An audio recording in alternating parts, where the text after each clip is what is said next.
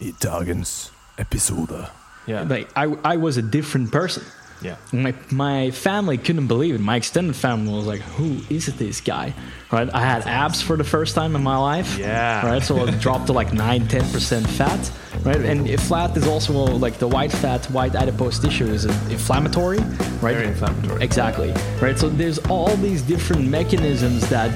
Like it's not like it changes one thing; it changes everything, right? It's, it's it speaks to every single possible process that's going inside in the body. Velkommen skal de være til Smør-Jesus og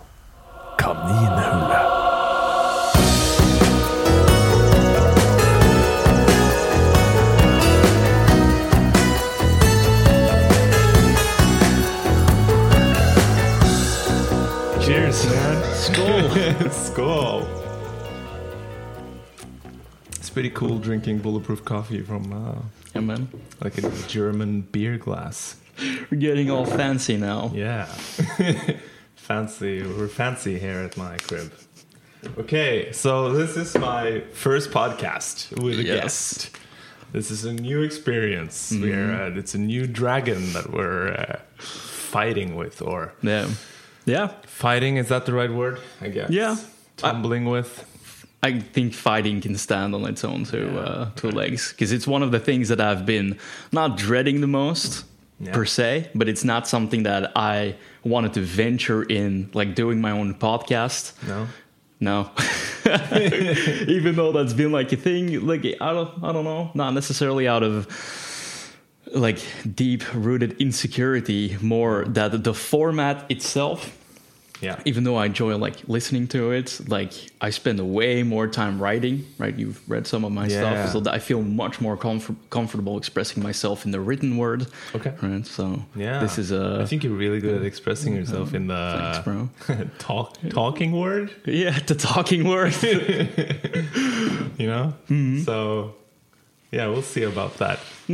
You'll be uh, now, now it's the tests, true tests. Exactly. Mm. Maybe you maybe this experience ignites something new in you, and you're like, "Damn, a podcast is what I gotta do." You know? Yeah, yeah. I might actually start one for the platform I have, the post traumatic growth method, because we need to have a longer format for the stuff that we're talking about, give more context.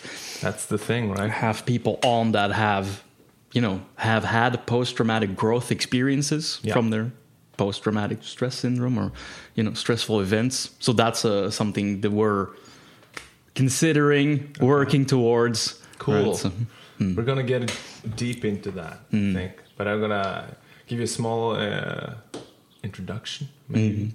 introduce me Uh, yeah, we met. I think uh, we I just uh, found your Instagram and was Mm-hmm. like, okay, this this this guy has got it. You know, we're we're on the same page.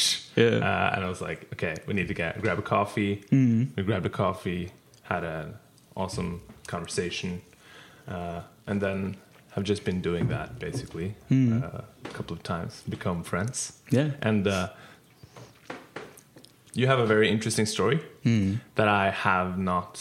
I, I don't think I've kind of uh, heard it from you as we have talked. We have more Yeah. Hmm. talked about you know geeking out on our uh, on our research interests and Yeah. Hmm. research and uh, all of the yeah. And that's what I like about uh, our conversations as well because with you I can uh, express all of these weird ideas and research things that I'm figuring out that Hmm. you know you go to the it sounds demeaning to say the common man.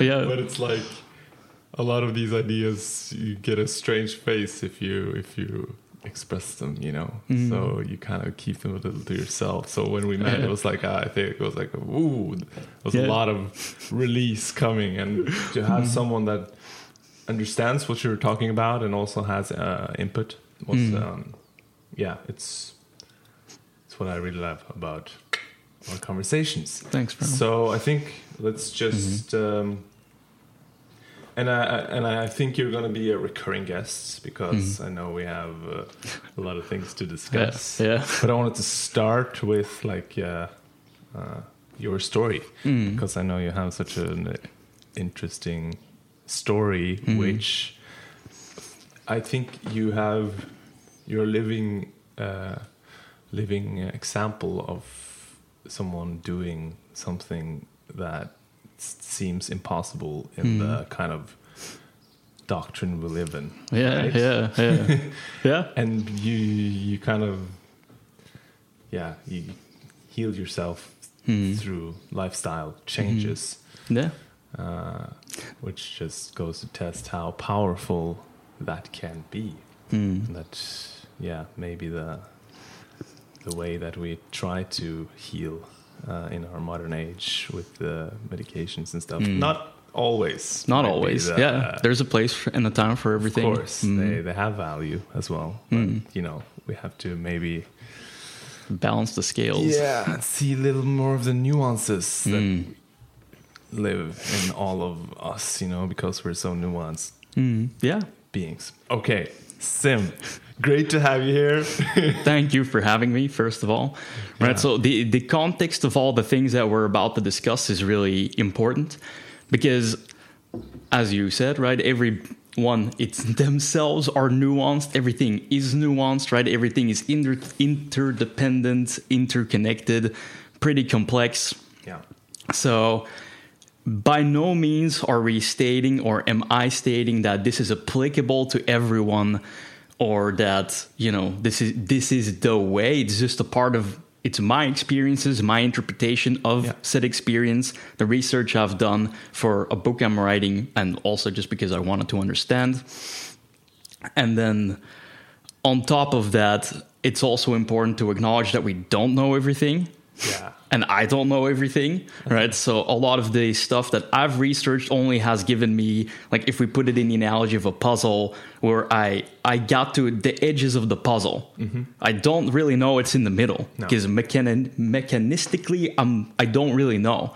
There's a lot of stuff I know about hormones and the brain and inflammation and inf- like the yeah, lymphatic Nervous vessels, system. nervous system, all these types of things. So I did go the distance, and I am going the distance with the research. But it's never that isolated and fragmented that I can say it's this mechanic that leads to all of this. There's a general picture Yeah. of understanding, right? Um, great disclaimer. Yeah. it's pretty important. Yes, Because is. again, w- with the context, that all being said, Yeah. There's so many things that haven't been tried. There's so many differences because both autism spectrum disorder, which we will get into as to why that's important for this conversation, and depression, even anxiety, they're all concepts, right? They're collections of terms to signify a certain set of symptoms or behavioral patterns that seem to appear yeah, in a person, right? Um, with that as well, there's so much like that's why it's autism spectrum disorder. Oops, right? So there's a whole spectrum. Info or depression, anxiety also comes in the spectrum with degree, intensity, and duration, right? So it's uh, so it's important to to acknowledge or keep this in the back of your mind that seeing that it's so broad as a collection, not everyone has the same experience which is also uh, we can try or we can attribute that or the way i theorize it is that that's part of because the way the person developed right from a fetus to an adult Yeah. if we're if they're already in that stage so the development of the organism all right has a lot to say about it which also brings me to the next paradigm before we move on to my story which Yeah. is if we come from a like this industrialized pharmaceutical approach which is like you're broken i need to fix you Yeah. then we're coming into this thing like trying to use other mechanics or tools to try to fix something that's not necessarily broken. Mm. If it's a development thing of the organism,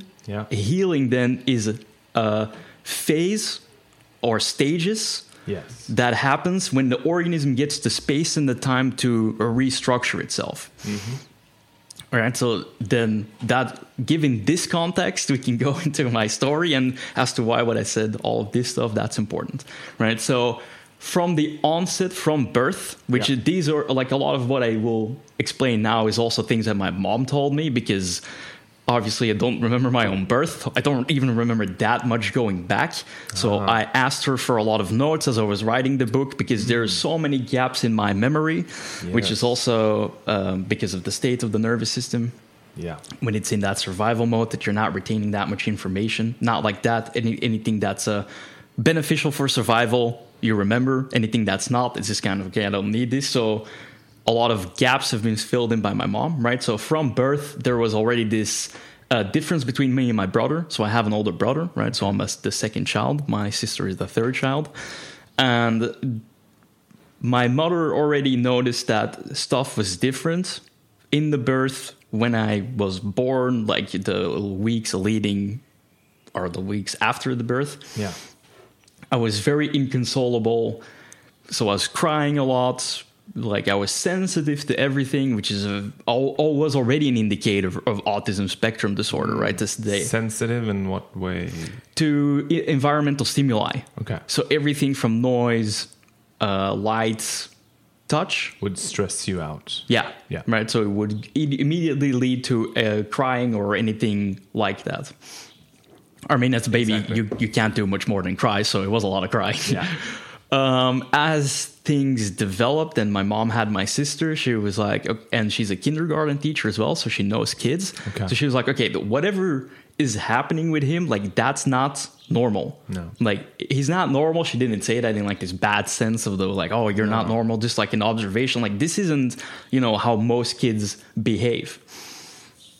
Um, so there was a lot of a lot of work to do for my parents to try to like figure out what the best way to go about this was. Yeah. Seeing that like I'm born in 1991, Yeah. right? So in the early 90s, the research on autism was it, it was virtually non-existent, right? It was Mm. Yeah. just starting to become this thing, and it didn't really become a real thing until I would say the early 2000s, right? So Okay. Okay. it it wasn't really on the map. No. Nah. Was, was there someone that had like claimed like autism is a thing, or was was did that kind of happen in the? Um, I think that was just like a natural development of the diagnostical process Yeah. that they came to like these things that didn't match things that that were people were diagnosed with. Yeah. That it was such a mismatch that they had to make a new category, a new concept. yeah. Um, so my entire youth has been very turbulent like that because of what a child with autism spectrum disorder needs, mm-hmm. right? Which is a lot more attention, a lot more preparation. Yeah. It, it just goes into these really absurd things. Like if the wrapper of a package of a food package would change, I wouldn't eat it Ah. right? Because it, it's a new stimuli. Yeah. And if I don't know what that is, it's considered a threat to the nervous system. Exactly. It's something unknown, right? So Exactly. So it's like, okay, I, I can't eat this. So with everything in that, in relation to what I just said about everything being perceived as a threat, I would also have to be prepared for everything that happened. So in school, if there was a fire drill, that was a really good example that my, my mom gave. There were many, many more. Yeah. But just from the teacher explaining what the fire drill would entail Yeah. and just like envisioning the chaos of that, it shut me down. Like I had uh-huh. psychosomatic stress. Like I got super pale. Like my stomach was like really bad, and I had to be excused from school that day. just from envisioning Yeah. something unknown, an unknown Yeah. experience. Uh-huh. Yeah.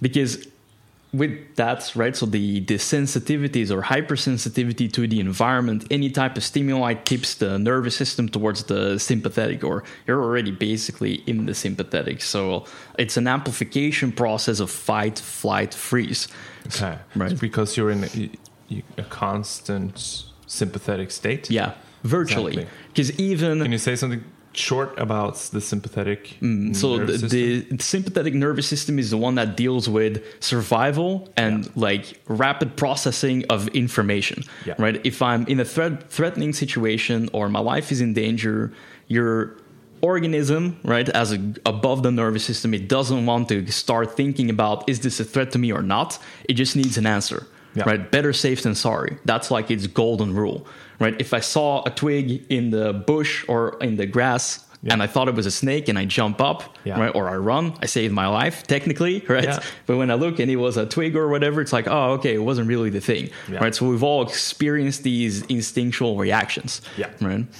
As to why um, in my experience and the way I relate it to what I know, I say like I think I live my life, or definitely a really big part of it on the sympathetic side, is because even sleep wasn't restful. Right, and sleep falls on the parasympathetic. The Yes. deeper you can get parasympathetic, the the more restful your sleep is. Right, because Yeah, all 'cause- 'cause rest that's happens the there. other state. Yeah. Mm. there's basically the two states: the parasympathetic and the sympathetic. One Yeah. Mm. is fight or flight, and the other one is rest, Rest recover, digest. digest, yeah, right. exactly. And they like it, it's not a binary system either, right? So they they it's also a spectrum, Yeah. right? So they Yeah. they're not just on or off. They're just like one is either dominant or they're aligned. Yeah. Aligned meaning like they're working together to give you what you need. yeah, So there's always this type of balance. Um, into regards with my sleep, I had um, it was again depends on the night, like five to ten night terrors Yeah. a night. Okay. right. So it wasn't just like a nightmare. It wasn't like I just woke up and like, oh, you know, mommy. it was like running out of my room, trying to escape through the window. Wow. that's pretty dangerous. Like we have those. Uh, How old were you then? uh, like that happened all the way up until eighteen, nineteen. Okay, Mm. okay, wow. Yeah. So my mother, sorry, mom, hasn't gotten a lot of good sleep in uh, my youth. No. Um, to that point as well, interestingly enough, although my sister doesn't have autism because of the experiences with her father, uh, which wasn't a good relationship, so not a bad childhood per se, just a lot of stress. Yeah. She would have like nightmares as well each night. so it's a very turbulent household. Um, yeah. Yeah. It's uh, it sounds like yeah, it sounds like that can create a kind of negative feedback. Mm, yeah. You don't get enough sleep. Your Exactly. nervous system fires off, and you oh know, man here And we go. exactly and it Yeah. did spiral out of control um, Yeah. because all, you need your sleep to recover right and it, Yeah. actually reading through the research you see a lot of these deficiencies in people i can have a little bit more Yeah, that course, can't yeah. sleep properly with their with it, it doesn't really matter if it's autism spectrum disorder anxiety or depression right? No. bad sleep it just amplifies the effect of what you are experiencing right? Which Yep. state you're experiencing. So that's a that was a pretty big deal. Mm-hmm. So moving forwards from that so the entire youth was basically like a repetition of fight flight or freeze. It didn't matter what happened. It was either i got activated or it's not a real triggering because like even though i'm reacting to an enviro- environmental stimuli it's happening inside of me Yeah. right? So it's not necessarily the environment. It's just like the nervous system is put on such a hair trigger that it's constantly like this is a threat. This is a threat right? So fights would actually i i didn't get that aggressive towards my parents. Most of my aggression was funneled towards myself.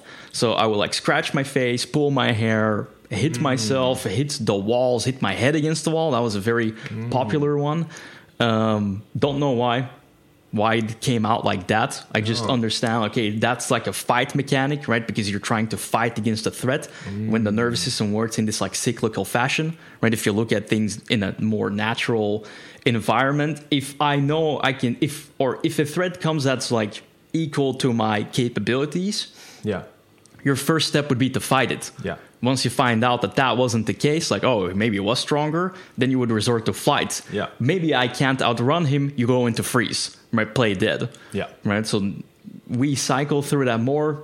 Other animals, like, they will prefer one thing over the other, right? There's a Yeah. reason why it's in the nervous system because it's been an effective survival strategy. Yeah. So that being said, right? So the, the that was the fight for flight. It was a lot of this, yeah, crying yeah, a lot of crying because you can't really go into fight. Like there's nothing to fight against. Like i can't fight myself all the time. I could try but and i didn't fight my parents all the time. So if i couldn't get angry i'd start crying.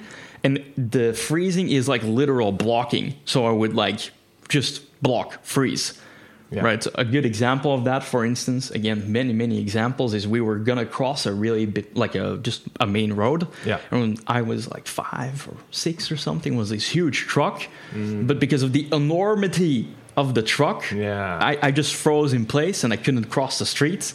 Like it's literally like you're nailed to the floor. The entire nervous system just goes like, nope, Yeah. not happening. Like you're not going anywhere. So that was a like a deer, deer in the headlights. exactly, yes, yeah, exactly like that. yeah, right? So I I didn't really like as a child. First of all, you don't have any context, you don't have any contrast, so you, you don't know what you are experiencing. Seeing that autism wasn't on the map and what they knew about nervous systems, what I know now, is not even very, uh, yeah, out there. Like Yeah. it's not mainstream or it's not very well known. It's fragmented in each field. Yeah. Um, so, yeah, my mom was like, I d- just don't know what's happening with him. I didn't know what's happening to me. So we went through several therapies, Yeah. right? So relaxation therapy, anger management therapy, because they're like, well, I mean, he's angry. Yeah, he's angry. Yeah. I mean, of course, like my dad abandoned us uh, when I was 12, but it was already like the bad breakup before that with my mom. Yeah. Right. Very uh, chaotic environments, also an alcoholic, yeah, abusive alcoholic. Yeah. Right. So that that didn't really bode very well for a child that isn't already, you know, dealing Constantly in the fight or flight. Exactly. Yeah. That it just constantly amplifies that. So um, yeah, no school was a picnic, right? So it was always this this socialization was very awkward because in, when you're autistic or on the spectrum, the socialization element or the information of socialization isn't important to you. No. It's like I don't need this to survive. Even though if you draw that uh, element out, like tribes is how we survive throughout the entire uh, evolution of mankind, right? Yeah. Cooperation. But at that given time, when it's like a minute to minute or second to second uh, survival, You're like in this mammalian state, Yeah. right? Which which is your first priority. Like when your mammalian brain is satisfied, you can go on, I guess, Yeah. to the next prioritization, which is Yeah. more of the like human brain, which is social interaction Yeah. and, and status and all of this exactly. for survival, right? But Yeah. first you gotta get that mammalian thing under control. So if that's always activating, Mm. You're not gonna be like, I need friends and Yeah, you know, yeah. I don't know. Is is that yeah, yeah, yeah. So that's basically what what happens. Um, yeah? so like social convention isn't something that I was versed in because you learn through seeing, you learn through behavior of others. Yep. So my parents had to do a lot of work with me like that. Um, so I was very awkward, Yeah. really awkward. Because it, the friends that I did have, and kudos to them for sticking it out Yeah. throughout all those years. Like it wasn't easy. It wasn't easy to communicate. Right. It's one big, real, really another really big thing with autism spectrum disorder that your ability to communicate is very uh, diminished. Mm-hmm. Right. So I had a really big fantasy, but just explaining reality or the way I Mm. That. felt, expressing that was just not there. Like it didn't have the means to do it. Like I understood language, I could talk, Yeah. but it's just didn't have anything to put it together. Right. Um, so yeah, making friends was hard.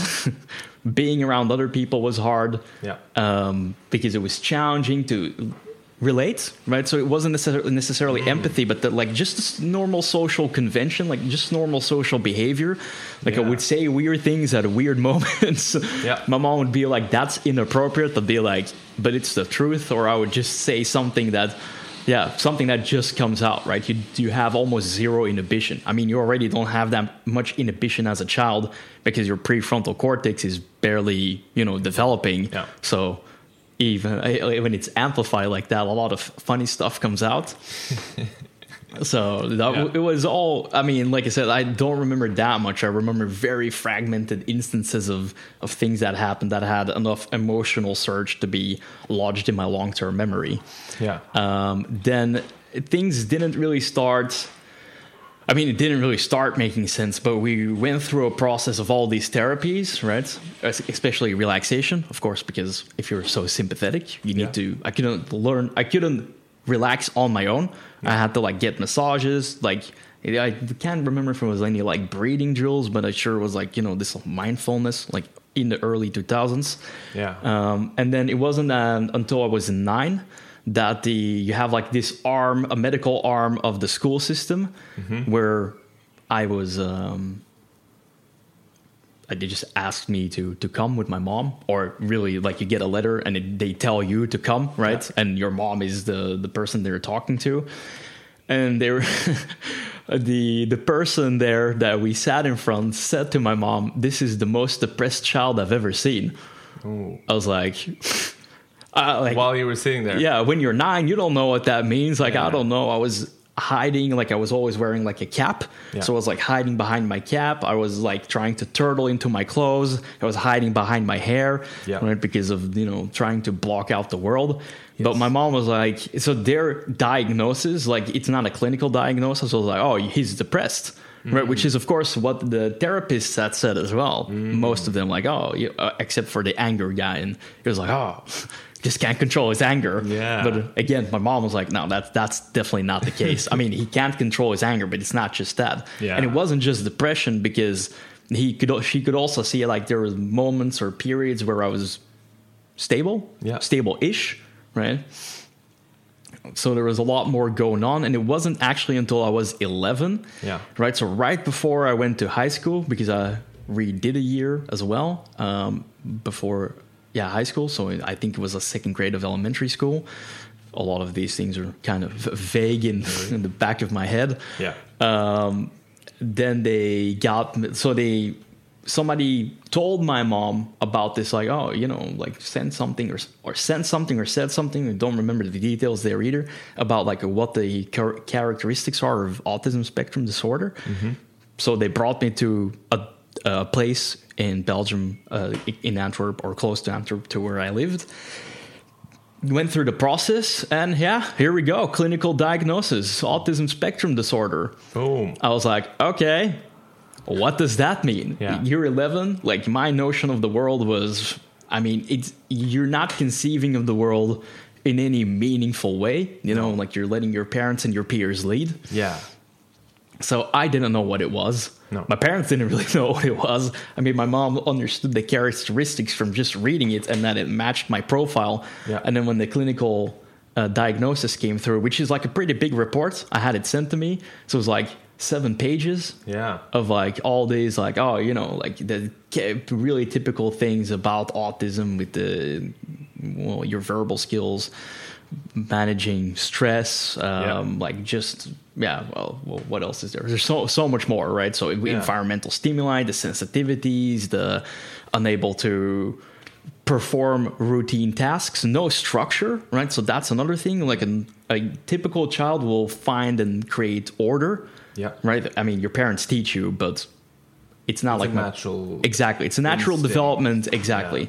which you eventually go into so even for me at 11 when i got the special guidance from the the place that diagnosed me Yeah. uh, called indigo in uh, belgium um, it was just really really like i think it's funny now because it's so routine it's like learn how to make your your school bag Right. Which books do you need? Like which pens? Like what what do you need? Which you for which day? Like I had to have like a program, like a plan, and a whole structure, and like go over this. Teach you how to create order, Yeah, basically. yeah. Because everything, like if you're not really paying attention to things, not not just that, but I'm also not thinking ahead. So long term thinking, again, sympathetic isn't Mm-hmm. Really. No. Uh, it's an option. It's just not an option you have access to because it is there. So then they were. You're in a fight or flight, so you're not thinking about you know what. What am I doing tomorrow? Yeah. dinner tomorrow. Exactly. you want to run away from this tiger here. Exactly. Yeah, exactly. Right. Okay. Um, so it was a lot of. I mean, of course, to me, it sounds like mundane stuff because I forgot so much of it, but it's it, it was very necessary at the time, and it actually it should have stayed mandatory until I finished high school. Mm. But when I entered high school, like I felt like I had a target on my back because you i mean you don't get pulled out of class. You just go out of class but they come like knocking and they go like oh your guidance counselor is here. Uh-huh. yes. Enjoyable. You know you're already different. You've been told your whole life that you're different. You feel different. I know i'm behaving different. Yeah. right? So it's the inception of self-awareness started there. It's like that's not what i'm doing or that's not what i'm feeling or like why is this person doing it like this and i'm doing it like that so there's a lot of prediction error there and a lot of things like cognitive dissonance like that like it didn't make any sense going into this guidance in high school was Putting it all on a big uh, show Bro, yeah, for, everyone, everyone, everyone out there. And There my, it goes. A lot of my classmates were really receptive.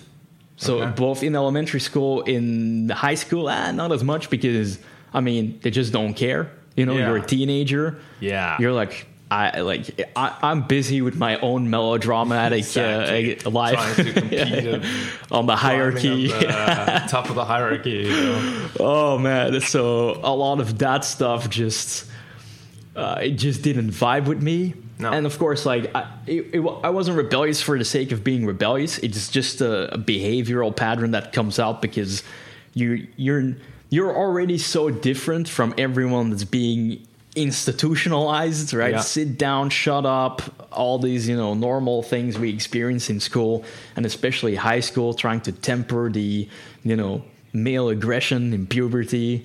Yeah. Oh man, so it was uh, it was very very hard for me to navigate, and then things kind of like then I told my mom I didn't want to have the guidance counselor anymore. Yep. And bro, things just spiraled out of control from there. So like the autism is one thing, but everything around it, um, like then high school is.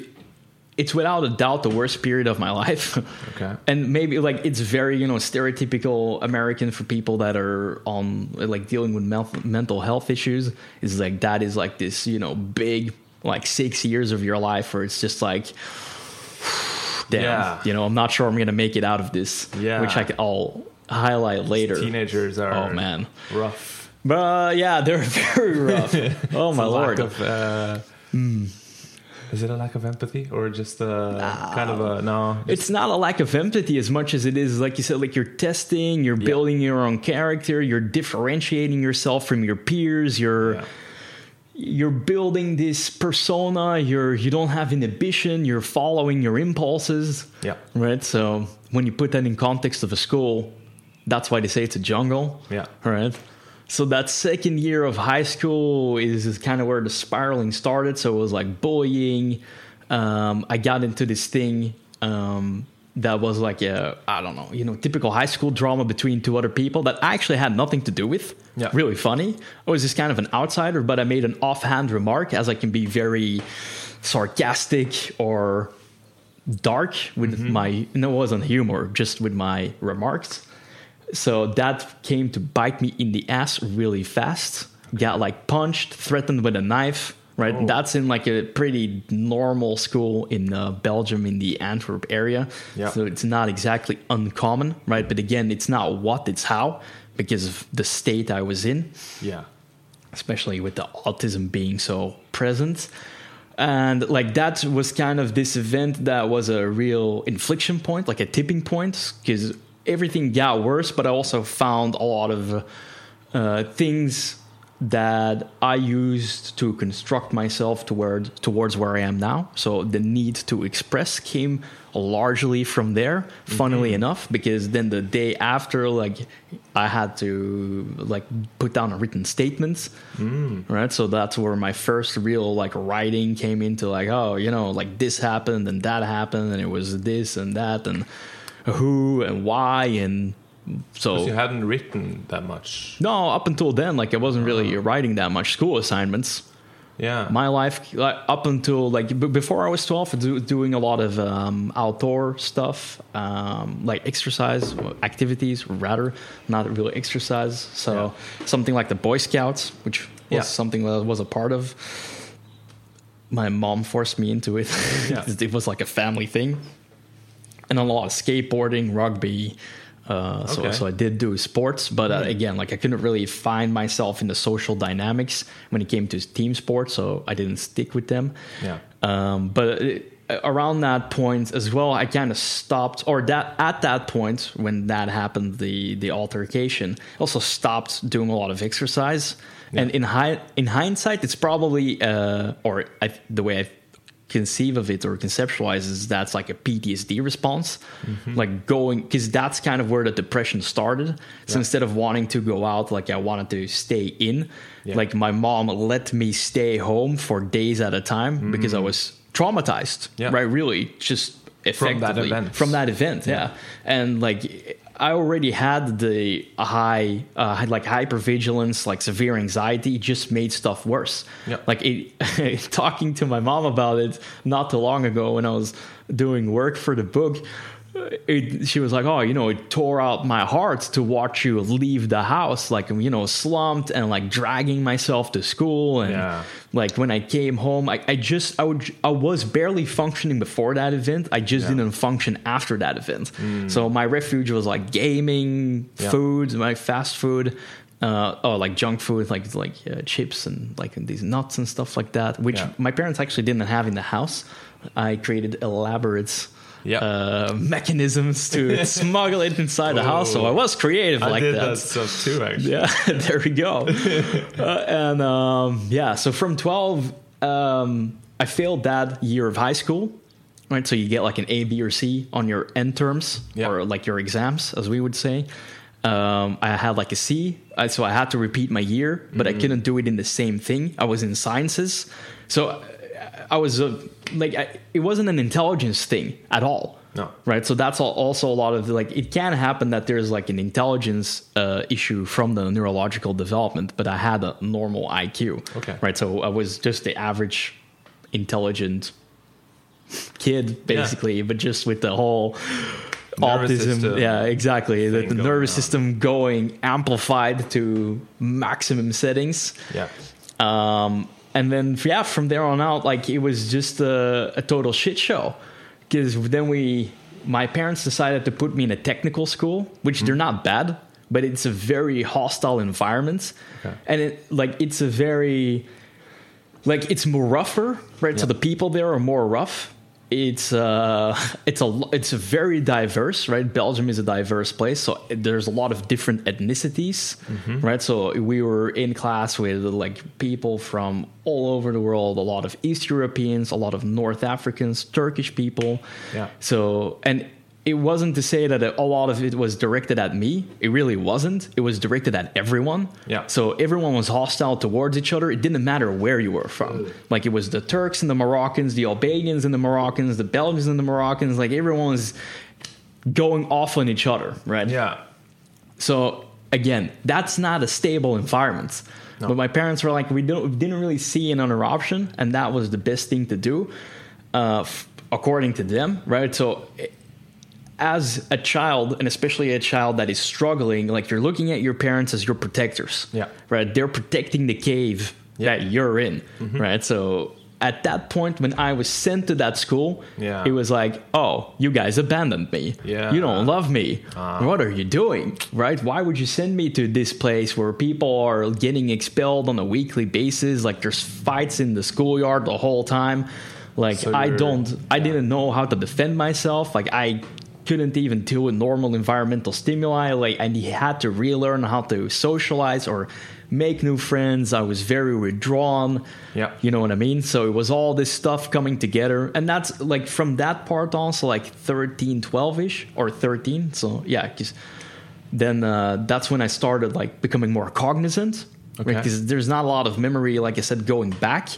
But that Mm-hmm. period, like 13, eh, I can remember some parts, 14, 15, 16, these years in the same school. Like I had friends, like it's not like I couldn't make them, but it was just such a, it was a volatile environment. Yeah. I was a volatile person because I wasn't stable, right? So there was, I got in a few altercations, of course, um, with people in my class.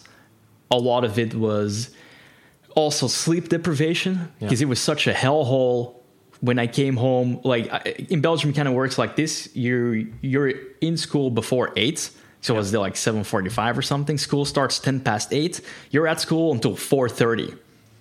Oh, That's a long time. Yeah. Then you come home and for almost every class you have an assignment or a test to study for. Yeah, bro. Mm, so yeah. I was just overwhelmed and my parents were of course concerned, but I loathed them. So I was like, "Did you do your homework?" I was like, Oh. "Sure." Yeah. And I would just start gaming, right, to retreat from the world. But if you're in that type of a place, every minute spent awake that wasn't dominated by school or school related stuff Yeah. is heaven. Yeah. Right. So, and you see that as well in uh, a lot of autistic children or people or just adults even that are on the spectrum is that they learn really well if they manage to find something that pulls them parasympathetic. Yep. Right? For me, that was books, gaming, and TV. Yes. So my mom was always very surprised that I knew the plots of movies from the back of my hand, right? I could remember actors' names, Yeah. the all the plot lines, details that like what's the use, right? But it's because that was actually relaxing to me. Mm. And the other stuff wasn't. Right. So as a kid I developed a really good or really good, like I, I had the ability to take in information that was solely the information that put me at ease. Yeah. Right. So that's one mode where you do processing in.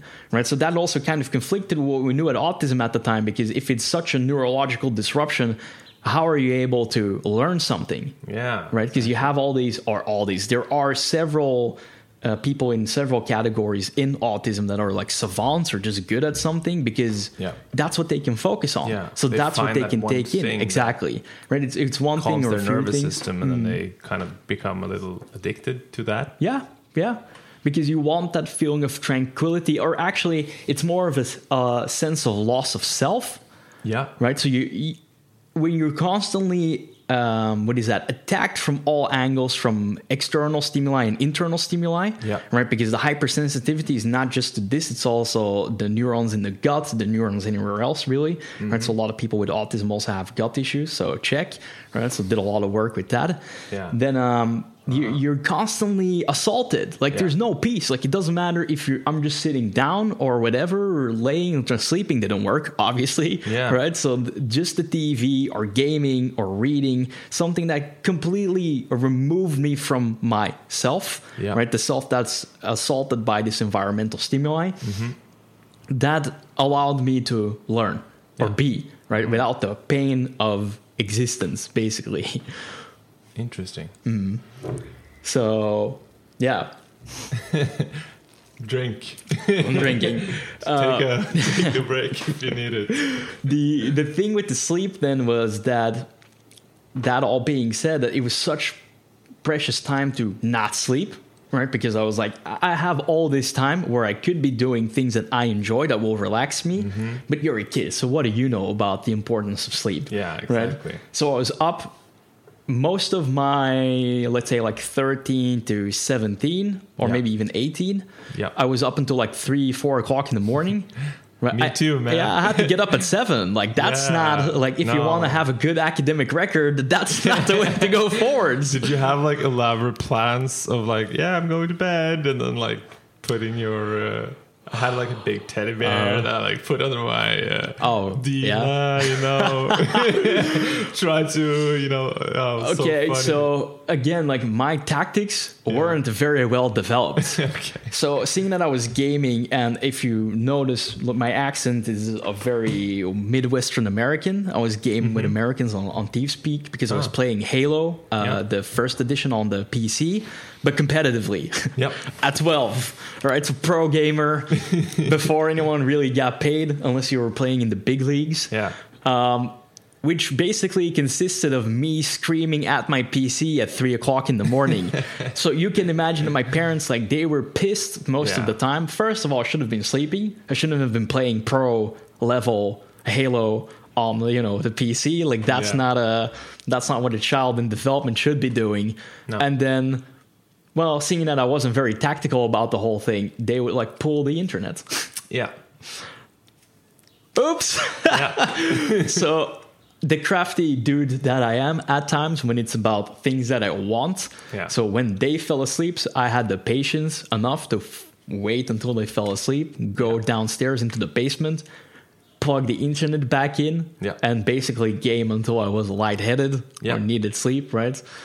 Um, so that's, I mean, accumulated into all these instances in school that just were just bad. Yeah. So like I was falling asleep in my French class. Yeah. So I would literally not give a fuck. Basically, I would just like put my head down and try to sleep some Yeah. because I didn't care about the French class anyway. Yeah. Or any other class really. It didn't matter what it was except for history. That was kind of interesting. yeah, And like people, it, oh, there was one or several instances like this, but it stood out because I was so sleep deprived. Like my classmate like pushed me or was teasing me. I threw a book in his face. yeah, so I spent a lot of time in detention in general. Yeah. Which means that instead of going home at like four thirty, I would be home at like five thirty. Ah, yeah. uh, you know, Sounds like hell. Like to me, now living the life I live, like Mm. to have to relive a life like that. Yeah. you know, where you from at school from seven until four. That's just whoa. Yeah, man. That is pretty. It was yeah, it was hectic, it was intense, which also led to or it, it developed into that like the more depressed you get, like I also got like a little disassociated. So you get like this third person thing at times, mm. which was really weird. But that's just another protective mechanism to like pull yourself out of your body, Yeah. right? Or the way I look at it anyway. And the that depression spiraling out of control was also like my dad or like bio, my biological father stopped picking us up or interacting with us right? So i haven't seen him in uh, 16 years now. Yeah. so i haven't really talked to him. I think I call, he called me once when i turned 16 and that's actually w- where like the depression really Okay. went went all the way to the to deepest, the deepest yeah. Abyss. deep yeah. Damn.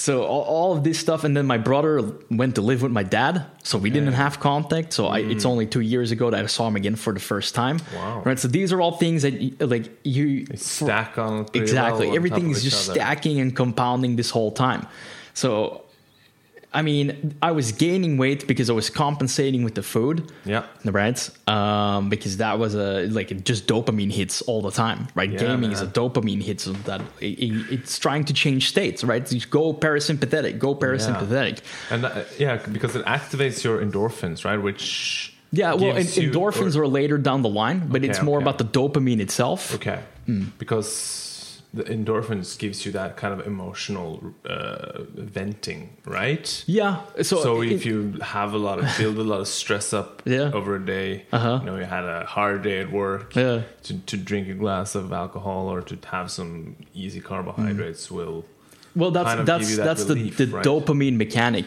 Okay, so that's the dopamine, Yeah, okay. and the endorphins, from what I know, Yeah. like they're at the end of um, of um, something that's challenging, like a physical task. Okay. Because, like, if you look at it in uh, like an anthropological, evolutionary biology context, like if I went hunting, right? So the dopamine is getting the tracks, Mm-hmm. seeing the animal, killing the animal, but the endorphins is the reward Yeah. that you get from Okay. exhaustion. It's a masking agent. Okay. Because that's like if you go train really hard, which some people are like, oh, you know, the endorphins, that that's that. When you feel great after you just busted your ass for an hour and a half or an hour. Yeah. So you, it's a masking and a reward to, well, yeah, reward you at the same time masking the exhaustion from the stuff that you're doing. Mm-hmm. So there wasn't that much exhaustion of that process for me. Okay. It was more that the gut issues didn't from the get-go from the autism like the development in the fetus didn't allow me to create the neurotransmitters needed to feel the way i, I would feel otherwise Yeah. then you see the same things with just post-traumatic stress stress in general depression anxiety where this uh, neurotransmitter uh, synthesis is going awry. So it's it's completely it's not what it's supposed to be. You have some compensatory mechanics but it's it's not doing what it's supposed to do. So you're feeling the way you're feeling right? Couple that to inflammation. So by so like 16 17 like i said that was like really really bad. Yeah. there was a road i had to cross to school that i crossed blindly because all i really wanted to do was not live Yeah. I didn't really want to die. I just didn't want to keep on living. Yeah. So it's like a juxtaposition. Like I wasn't. I, I entertained like suicide very often. Yeah. It was a daily thing that I thought about it. Um, so there's a lot of really, really uh, bad scenarios in my head from school shootings, murder, suicide, and stuff like that. I'm not condoning that. I just understand where it comes from. Yeah. Because when you come to a point where everything is the enemy and you can't regulate yourself, then you just want to exact revenge on the said environment, right? Yeah. Uh, obviously, it never went to something like that, um, thankfully. And I didn't commit suicide, right? No. It didn't. Uh, well, you could say like my attempts to commit suicide were really just me trying to cross that road, Yeah. right, blindly. So I mean, wouldn't close my eyes because I still needed to steer my my bike, my uh, cycle that I had to drive. But it was just like I'm just gonna cross, and if today's the day, today's the day Yeah. right? I I wanted to put it in the hands of the universe, Mm. and that was um, it wasn't a very sobering experience. Like it didn't change much in my psychology; it just kept getting worse Yeah. day after day. Um, so then we kind of come to the accumulation of the high school period, where if you add everything that I just said, right? So sleep deprivation, the autism, the depression, anxiety, PTSD from my father being in that school, um, yeah, all these elements. Then and my diet being so poor, sleep. I'm sleep already said. Yeah. So I was coming to that point where. I mean, of course, you're going to get another C grade. And I was in electromechanics and then electronics and electricity. That was the, the name of the study field that I was in. Um, I failed my three biggest like topics, which was Yeah. like mechanics and electricity. Like that's what I was studying. Yeah. Um, I was really good at like the residential stuff because it's pretty simple. And then when you got into like motorized stuff, I just kind of, yeah, you're not in a state to learn anyway. No. Right. I'm not excusing myself. I know exactly where I went wrong, but you just don't have the control network or inhibition to stop yourself from making these mistakes. Yeah. So I got another C grade. Right. They're like, well, I mean, you need to redo this year, but you can't stay in this school. Which for me was like, awesome. You Can finally get the fuck out of here. Yeah. Great. Oh my God. So then you come to another to a really interesting point, which is the point where my life changed. Ah, so now This things, is, uh, the meaty turn? parts. Yeah. All right. There was like there was no way in hell that was the fifth year of high school, right? So it's just one more year to go. Yeah. There's no way in hell that I was gonna do the fifth year in another high school. No. That's two more years of high school. Yeah. My parents were like, that's never gonna work.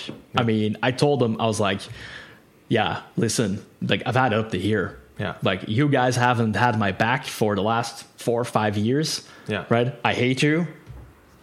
Pretty Yeah. pretty simple. Yeah. Um, you Wow. you push this onto me. You need to fix this. Yeah. Right. You need to make sure like I, I'm not going to school otherwise. Yeah. So they found, much to my my my prayers being answered, adult education. Yeah. Right, which is a modular approach in Belgium. Adult education. Yeah. So like because I was 18, Yeah. right, seeing that I had Oh. redoubled the year, I was 18. I was eligible to that at the start of the new school year to go to a school that is for adults. Okay. Right, Yeah. where you take these um, modules basically Mm. of the classes, right? So like you you know like a subject would be like Dutch, and it comes in module one, module two, module three. Okay. Yeah. yeah. Right.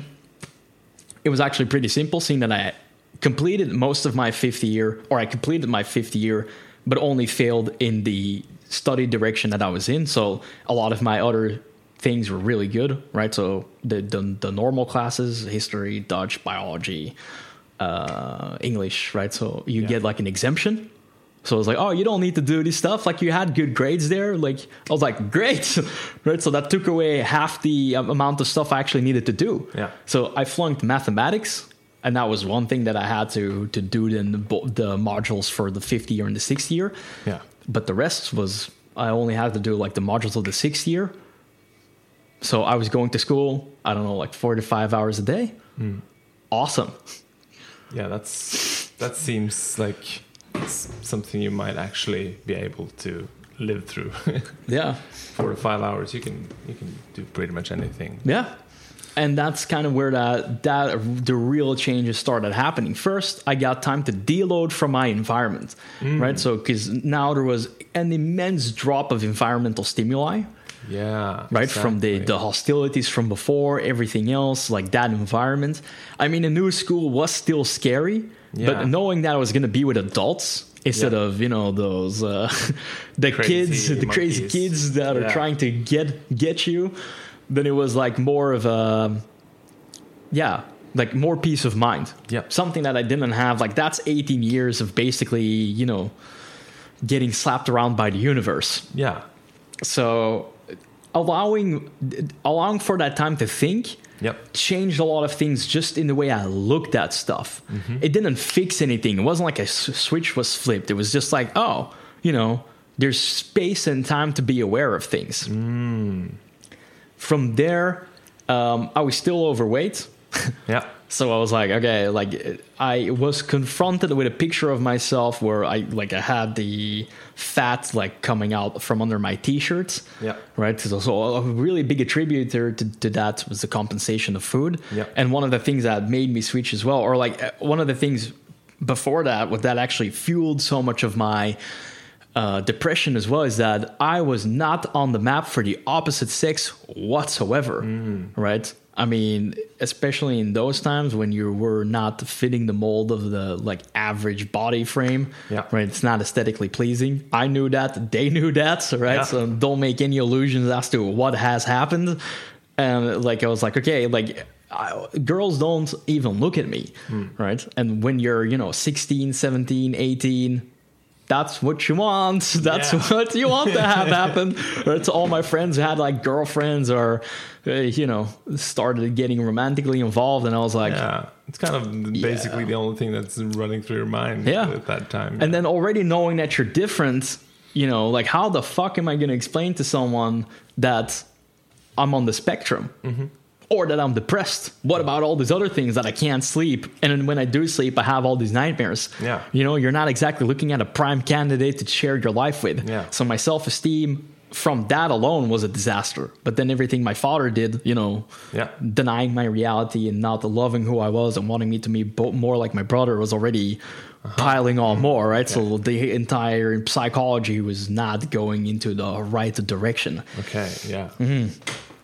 So But in were that, you able then now to, with that time and space, to reflect more? Were you able. Yeah. to like, oh shit, I gotta I had take some responsibility exactly right something. yeah so there was like that point of when i looked at that picture of me overweight because you look in the mirror and you go yeah it's not too bad Mm-hmm. when you look at the picture i was like oh yeah, this is not who i see in the mirror Mm. and that was a real like gut punch and my mom was like well you're, you, you know you're not very slim she was very very diplomatic about it Yeah. i was like okay mom thanks um, so then i just was like all right so what i'll do is the probably the i mean the it's not even a good diet i wouldn't recommend that to anyone don't No. do this No. right it was like soup Yeah. potatoes with some, some vegetables and whatever meat we had like we didn't eat that much protein to begin with Okay. also a pretty big part of um, yeah like your nervous system. yeah not- nervous system synthesis of hormones right fat and, Yeah. and protein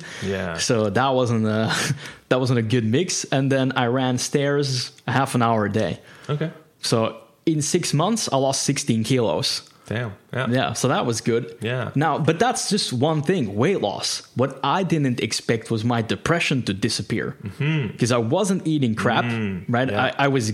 I wasn't gaming less. I was just sleeping more, Yeah. right? Because I now I had time to come home from school, right after my four hours in the morning, game until dinner, Yeah. eat, game a little bit more, Yes. and then go to bed, right? I mean, of course, the thirty minutes of running stairs in between was a necessity, and that's what I did. Yeah.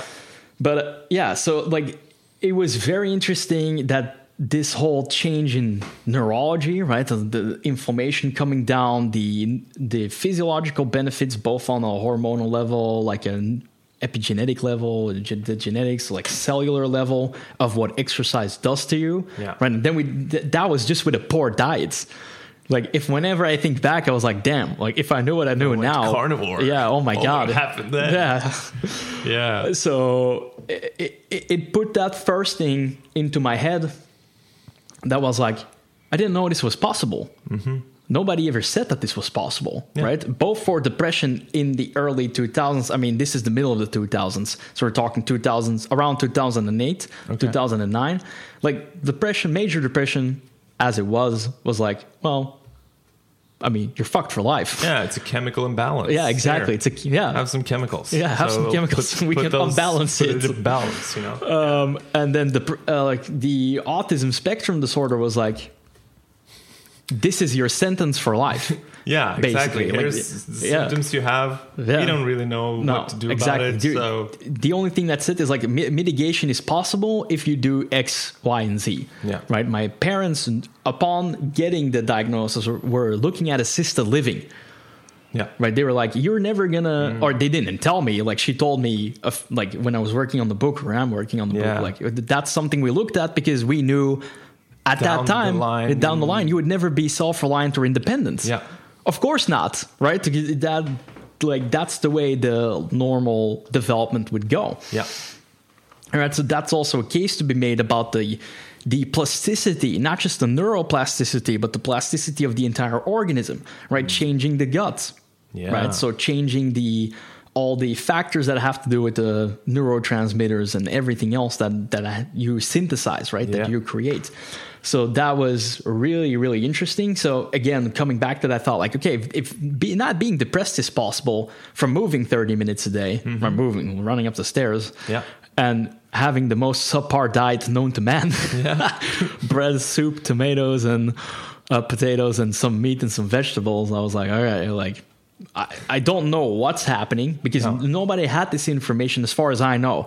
There are people that had really good information that like the internet wasn't what it was now. No. Right? 10 years ago if you looked something at the, up at the internet, you either better had to know what you're looking for Yeah. or be lucky enough to come to a forum Yeah. of people there weren't talking. a lot of blogs. No, no, like not at that. all. Yeah. Because people like Paul Chek, right, Yeah. which I get some inspiration from, um, he was already up and going, Hmm. right? now, he was already the biggest supplier of holistic coaching in the United States, Hmm. and probably some in Europe as well around that time.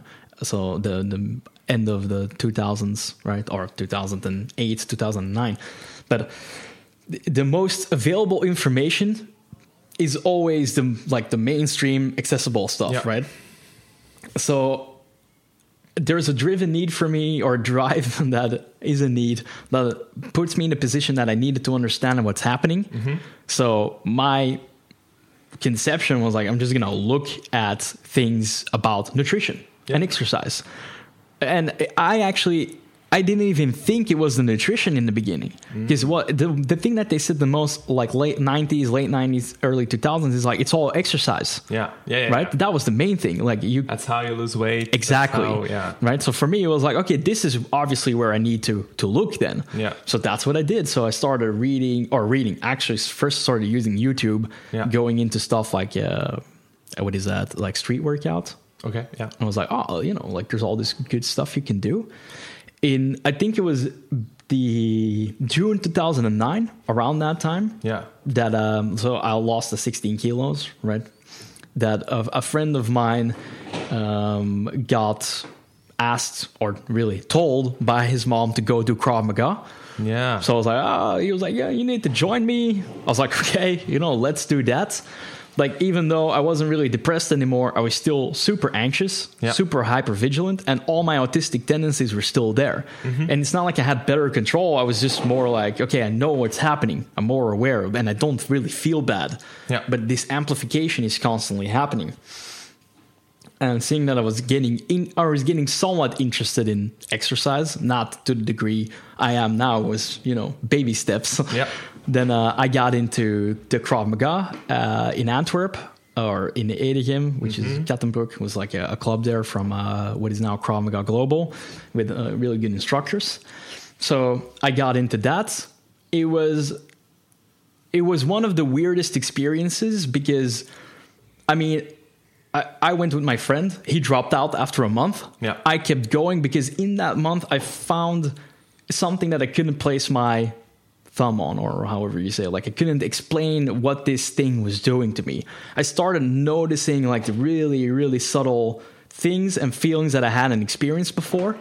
And of course, like I've been a victim my entire life. This was the first time that I'm going away from that victim mentality Exactly. right? And like a, a big part of that victim mentality is also inherited from my father, Mm-hmm. right? A Romanian that immigrated to Belgium that wasn't very, you know, supported by the system. Yeah. So, I mean, largely through his own fault because he, you know, as an alcoholic, you're not exactly the best addition to society in general. No.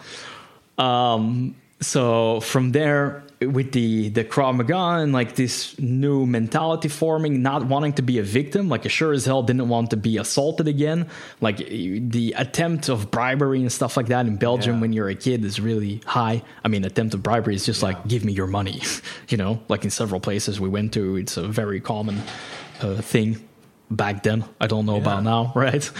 and, and that is like a common like if you are a weak person Mm, yeah, because i've been a weak person myself, Mm. myself and been a victim in that way and like if i would were to get in a fight i would be like please stop please don't hurt Yeah, me yeah. you know like a poor little uh, but I kind of had a, it's very interesting you, to hear you talk because I had a very similar experience. Like Yeah. the first with the nutrition, like whoa, what the fuck is this? I gotta Yeah. figure this out. And then three weeks later, doing my first Brazilian Jiu Jitsu workshop Nice. and like realizing, wow, first of all, this gives me incredible energy. It integrates this masculine thing that yeah, I had kind of put myself in the box of being uh, unmasculine. Mm. Yeah, you know, yeah. Mm. and put myself in that victim box. Like if the big ugly wolf were to come, I would just like lay down and like be uh, or run away. yeah. Uh, and and that is something as a man I think is something Oh, yeah. that's constantly like 100%. it's a fear. It's like Mm. if you're out on the town, for example, you're always like that. That it's it's in the back of your mind. Yeah, and yeah. it kind of gives you it gives you that lesser confidence in a way. Like Mm. Yeah. it affects your confidence Yeah, in a kind of very subconscious level. Oh, 100%. And so I also realized like, whoa, it Mm-hmm. gave me so much confidence to just to yeah, Yeah. fight and learn Yeah, to yeah, yeah. and For be, sure. be beaten up Oh, yeah. in in uh, in a uh, safe environment. But so it was it's interesting to Mm. Yeah, hear there's always yeah these parallels always. Uh, so fundamentally, or actually before that, so most of these guys like they weren't young guys Yeah. or young. I mean, excuse me for what I'm gonna say next, but it, when I'm 18. Uh, 19, just turned 19, Yeah. and you're 35, you're an old person. Yeah. You know what I mean? Yeah, yeah. Now I'm 29, I'm like, okay, you're not old, you're still very young. Yeah, of right? course. But when if you're when you're 35 Uh. and you're like fighting some 19 year old, Exactly. he's a kid. Oh yeah, I mean? no doubt. So- so I was basically like a little rag doll. Yeah. but they loved me and I loved them, so it was all good. Yeah. Um, fundamentally, what was actually, again, like that I know from hindsight, but I couldn't place my thoughts on it, like I couldn't understand what it was, Mm-hmm. is that I learned to control my nervous system oh, okay. right? Because now it's the first time where I'm forced to go into fight when most of my behavior has been freeze mm-hmm. or flight, mm-hmm. right? And not only that, I need to learn how to navigate fight. Mm-hmm. I need to learn how to navigate fight in such a way that I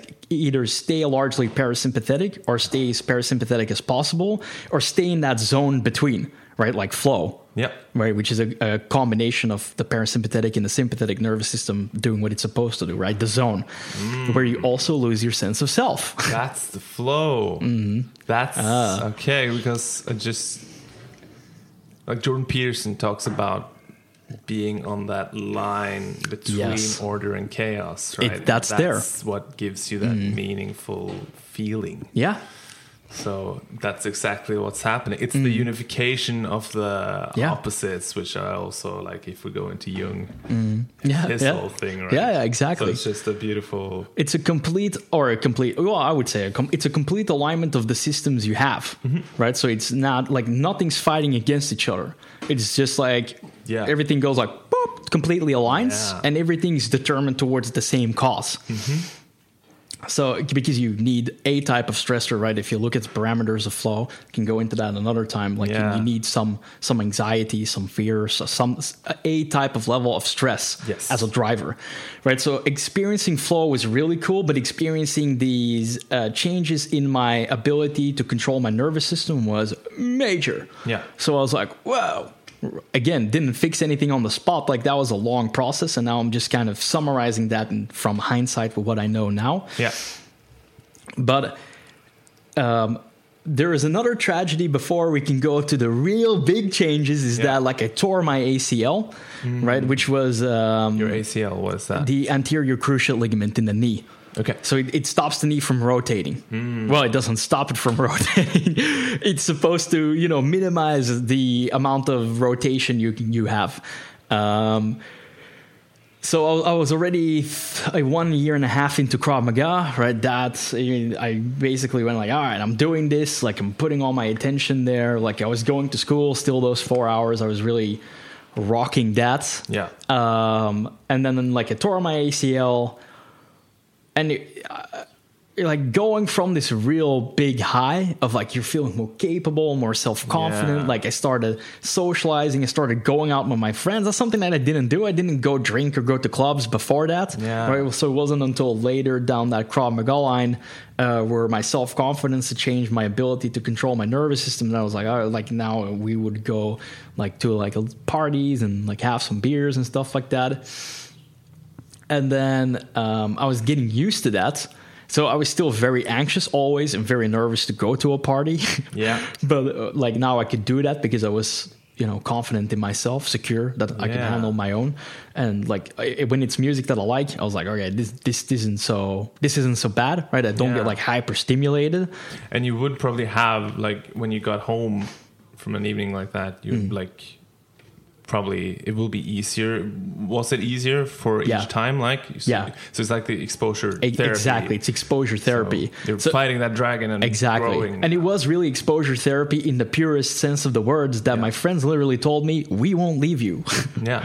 We were gonna be with you. And it was like little by little that they would go like, okay, I'm, get, I'm gonna get a beer. Stay here. Yeah. You know, that they conditioned me or trained me to like be alone until eventually I could be on my own. Yeah. Right. But Cool. that, yeah, it was fun. So again, props to them. To your buds. So they were really, really good like that, even though this is not the optimal approach, people, right? You don't need to go that line, go to parties and get drunk and smoke weed. It's it's completely I mean, you can if you want to. I wouldn't recommend it. It's not it's not necessary. There is lessons to be learned in, Yeah. in that uh, chaotic. Uh, Oh, yeah. Like, but yeah, let's talk about that another time. yeah. Maybe. So Or when I tore my ACL, like all that stuff was taken away. Right? Because I I had a really bad reaction to the surgery, yeah, which just sucked. Like your you body had a bad. yeah reaction? yeah my The, the knee especially so what the um i like the according to what the the report of the surgery said yeah. it went fine right but you never know No. it's just a report Yes. um of the surgery anyway But the report says Yeah, yeah. it went fine. What do you mean? You're but these uh, complications can happen in a minority of people. So, Yeah. like, those complications are like excessive swelling. So, my knee was as big as my quads, right? So, it was like one straight line. Damn. And then internal bleeding, which, if you've had that before from like a surgery, it sucks. Like, it, it's put so much pressure on all those raw exposed nerves that it's Yeah. like somebody's bludgeoning your knee. you know, like, it, it was just unbearable. Um, so the, the tragedy in all of that is that I was well on my way. It's a pretty severe injury. I know people recover from it better. Didn't have that luxury. Um, the painkillers that they gave me, like they ran out. Hmm. Guess what the next coping mechanism was? Alcohol. Oh yeah. So then I got just normal pharmaceutical painkillers that I would get from the pharmacy and alcohol. and alcohol because I was just numbing pain the whole time. I was like, hmm. I, I can't deal with this shit. Yeah. My friends basically abandoned me. Most of the guys that I was partying with, No. was a 100 person stuck with me. Hmm. Or stuck with me. Like he came over a few times when we were gaming because I was be- bedridden for two weeks. And then like you can't move, man. After the surgery, like I was on crutches. Like Yeah. I had to relearn on how to walk because of the severity of the yeah the- Surgery, yeah, of the surgery and like yeah. the, the reaction to it. Yeah. My uh, therapist at the time, my, my rehabilitation dude, was Yeah. actually someone that really rehabilitated old people. So it wasn't like like I had. I was in going towards a sports direction. I was gonna do Krav Maga on like a higher professional level. I already kind of conceptualized that, and Yeah. I was going to the military. Oh, yeah. that's what I wanted to do. So I went three times actually to do the tests, right? But they cleared me with the knee eventually. Um, but it was just such a complete clusterfuck because my entire sense of self that was invested in Krav Maga, going to the military, like I was gonna finish school that year, so I could go to the military. Yeah. But that's like I, I told my mom like this is the only thing I care about. I don't really don't care about my degree, right? Yeah. Getting my high school diploma. I just want to go. She, that was the condition that I finish it so I can go Yeah. and then I tear tear my ACL. Yeah. Right. So it was again like just okay, what the hell?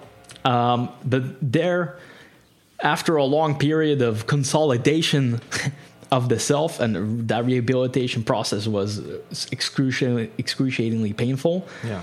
That's when I kind of reconnected to all the exercise stuff because I learned some things from Krav Maga. I was like, okay, I can do push-ups, I can do sit-ups.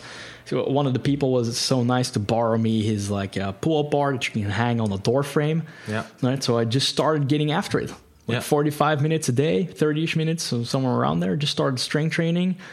Uh, cut the alcohol on the Yeah. request of my mother. She was like, "We've noticed that these, you know, um, boxes of beer are disappearing at a pretty fast rate." Yeah. I was like, "Yeah, maybe. Yeah. I don't know.